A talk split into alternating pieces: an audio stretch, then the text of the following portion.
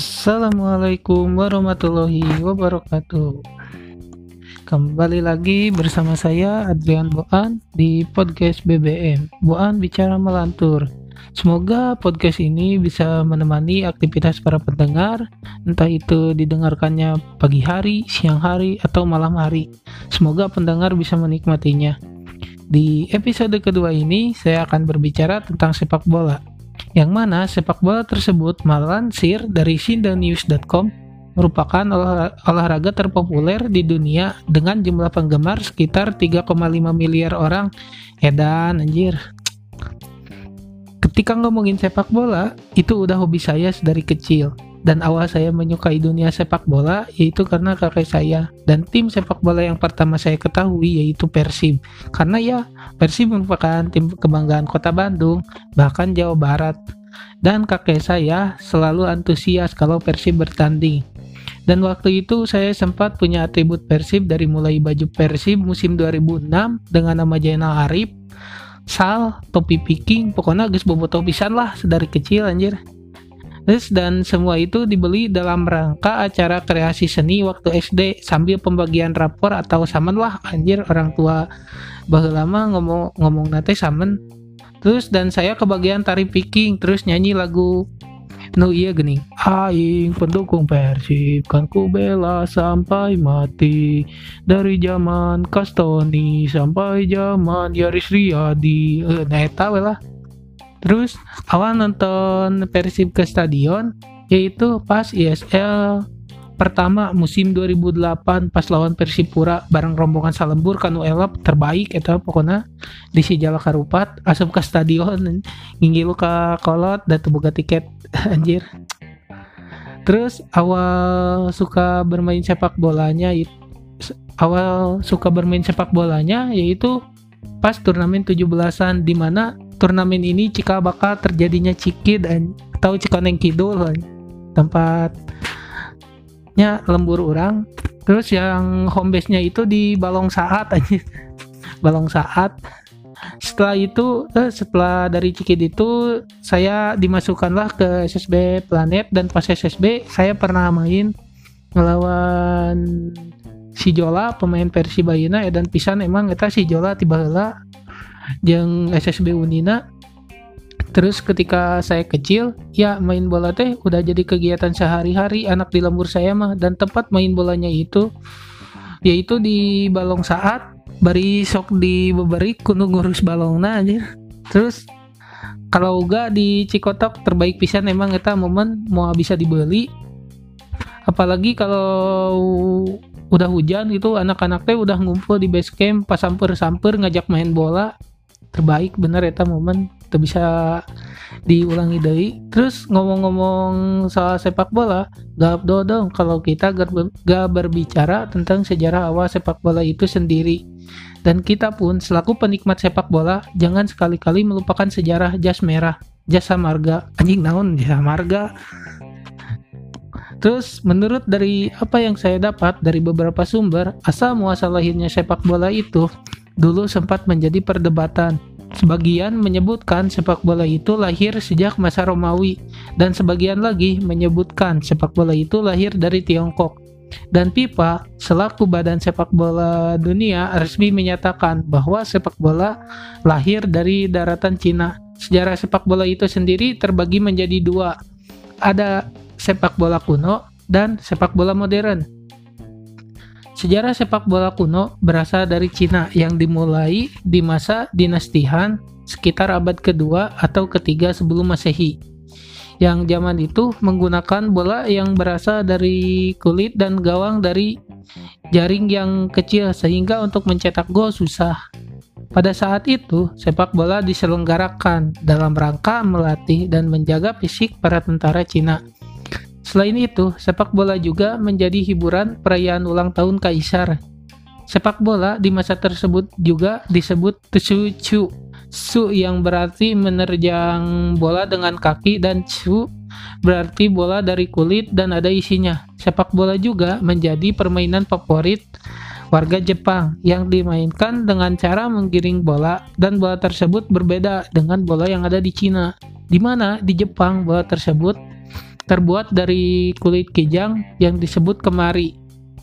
Sepak bola seperti itu juga banyak ditemukan di berbagai negara Roma, di berbagai negara Romawi, Inggris, Meksiko, Amerika Tengah, bahkan sampai ke Mesir kuno. Akan tetapi, bola yang digunakannya terbuat dari karet. Dalam perkembangannya, sepak bola kuno tidak berjalan mulus, bahkan dahulu pernah dilarang, tepatnya pada saat masa kekuasaan Raja Edward di, di Inggris karena banyaknya tindakan kekerasan dan brutal, karena tidak memiliki aturan yang jelas dalam permainannya. Sampai pada tahun 1369 Raja Edward III kembali memperbolehkan permainan sepak bola dan kembali lagi dilarang pada saat masa kekuasaan Ratu Elizabeth I tahun 1572 tanpa adanya kompromi dan sanksi yang keras berupa penjara bagi yang bermain sepak bola. Sampai pada akhir tahun 1680-an Raja Charles II mencabut larangan tersebut dan memberikan perlindungan bagi siapa saja yang memainkan sepak bola di Inggris. Terus lanjut ya ke sejarah sepak bola eh setelah kita mengetahui sejarah sepak bola kuno, kita lanjut ke sejarah sepak bola modern yang dimulai di Inggris dengan ditandainya berdiri Asosiasi Sepak Bola melalui pertemuan 11 wakil dari Football Association Fremont Stephen di London, Inggris yang mana ke-11 perwakilan tersebut menurut sumber yang saya dapat adalah Barnes, Civil Service, Crusader, Forest Leytonstone, klub tanpa nama Kilburn, Crystal Palace, yang sekarang main di Liga Inggris, Blackheath, Kensington School, Perseval House, Surbiton, dan Blackheath Properties Proprietary School. Yang mana ini cikal bakal lahirnya FA atau PSSI-nya Inggris dan di dalam pertemuan ini juga menetapkan seri peraturan tunggal permainan sepak bola yang kemudian diikuti asosiasi sepak bola yang berada di di daerah Britania Raya, yaitu Wales, Skotlandia, dan Irlandia. Terus, seiring berjalannya waktu, sepak bola mulai berkembang dan semakin maju. Maka dari itu, didirikanlah FIFA Federation International The Football Association di Paris, Prancis pada 21 Mei 1904 yang digagas oleh tokoh sepak bola yaitu Henry Delaunay dan Jules Rimet yang dihadiri oleh tujuh negara yaitu Prancis sebagai tuan rumah, Denmark, Spanyol, Swedia, Swiss, Belgia, dan Belanda. Negara-negara tersebut juga ditetapkan sebagai anggota PIP pertama yang diketuai oleh Robert Guerin yang berasal dari Prancis. Pada tahun 1908, sepak bola dimasukkan ke dalam Olimpiade musim panas di London, yang mana Britania Raya sebagai tuan rumah sukses menjadi juara pada saat itu. Setelah itu, sepak bola menyelenggarakan kegiatan kejuaraan dunia pertama untuk permainan sepak bola yang kita kenal dengan Piala Dunia yang digelar di Uruguay pada tahun 1930 dan Uruguay sukses menjadi juara pertama dalam ajang Piala Dunia tersebut. Terus ngomongin sepak bola kan sekarang udah bisa kita nikmati di televisi. Gak harus gak harus kita selalu nonton ke stadion. Apalagi ke rumah boga duit nonton ke stadion tiket mahal nggak saya mendingan nonton di TV nah sejarahnya itu siaran langsung pertandingan sepak bola pertama yang ditayangkan oleh TV yaitu terjadi pada 16 September 1937 1937 ya meskipun hanya percobaan dalam pertandingan persahabatan antara Arsenal versus Arsenal Reserved yang disiarkan oleh BBC setahun setelah BBC berdiri. Meskipun pertandingan tersebut tidak ditayangkan secara utuh 90 menit. Dan pada Ap pada 30 April 1938 BBC kembali menyiarkan pertandingan sepak bola secara utuh selama 90 menit. Pada pertandingan final FA Cup yang menemukan yang mempertemukan Preston North End dan Huddersfield Huddersfield anjir nuaina degradasi di Liga Inggris yang digelar di Wembley dan dimenangkan oleh Preston North End 1-0 lewat extra time. Terus ya kita juga eh saya juga akan men, aka, ap, apa akan menjelaskan sejarah masuknya sepak bola ke Indonesia yaitu awal mula sepak bola dan sepak bola datang ke Indonesia tidak terlepas dari bangsa lain yakni salah satunya Cina yang memperkenalkan sepak bola kepada Indonesia untuk menunjukkan bahwa Cina superior dan tidak kalah dengan negara-negara Eropa pada tahun 1915 banyak klub maupun perkumpulan sepak bola yang didirikan oleh warga Tionghoa. Nah, pada tahun 1920 terdapat dua klub hebat yang sering merajai kompetisi pada waktu itu yakni UMS Jakarta dan Surabaya. Dan Indonesia sendiri bahkan sempat masuk ke Piala Dunia tahun 1938.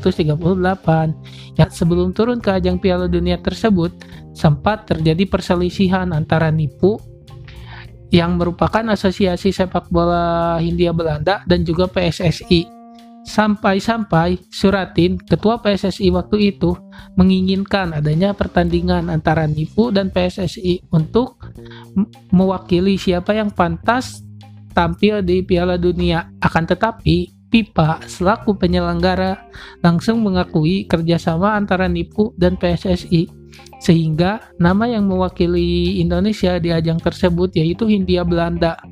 Oh iya, ngomong ngomong PSSI, PSSI sendiri lahir pada tanggal 19 April tahun 1930 di Yogyakarta yang diketuai oleh Suratin Sosro Sugondo yang lahir di jam yang lahir di jam PSSI sendiri lahir di zaman penjajahan Belanda yang berkaitan dengan kegiatan politik menentang penjajahan. Terus lahirnya PSSI merupakan sebuah perwujudan dari Sumpah Pemuda. Menurut beliau, sepak bola adalah cara yang sangat tepat untuk meningkatkan semangat rasa nasionalisme pemuda untuk melawan penjajahan Belanda. Suratin juga berperan dalam pemusatan hubungan sepihak antara NIPU dan PSSI dalam kongres di Solo pada tahun 1938 karena imbas dari kes ke kesalahan beliau karena pada keikutsertaan Indonesia dalam pertandingan sepak bola selalu memakai bendera Belanda. Emang Suratin berpengaruh itu di emang sangat berpengaruh itu di persepak bolaan Indonesia. Maka tak heran sering diadakannya turnamen Piala Suratin. Terus PSSI dahulu sempat pasif dalam kompetisi karena pada zaman penjajahan Jepang PSSI dimasukkan ke dalam Taiiku Taiikukai atau Badan Olahraga Buatan Jepang. Menurut beberapa sumber, Indonesia sendiri pernah menjadi juara di berbagai kompetisi baik tingkat senior maupun junior yakni juara Piala Asia Junior pada tahun 1961, juara Merdeka Games pada tahun 1961, juara Agakan Gol CAF 1961, Merdeka Games 1962, Agakan Cup 1966, Kings Cup pada tahun 1968, Merdeka Games 1969, Pesta Sukan Singapura Singapura 1972, Anniversary Cup 1972, Piala Pelajar Asia 1984, Piala Pelajar Asia 1985, Piala Kemerdekaan 1987, SEA Games 1987,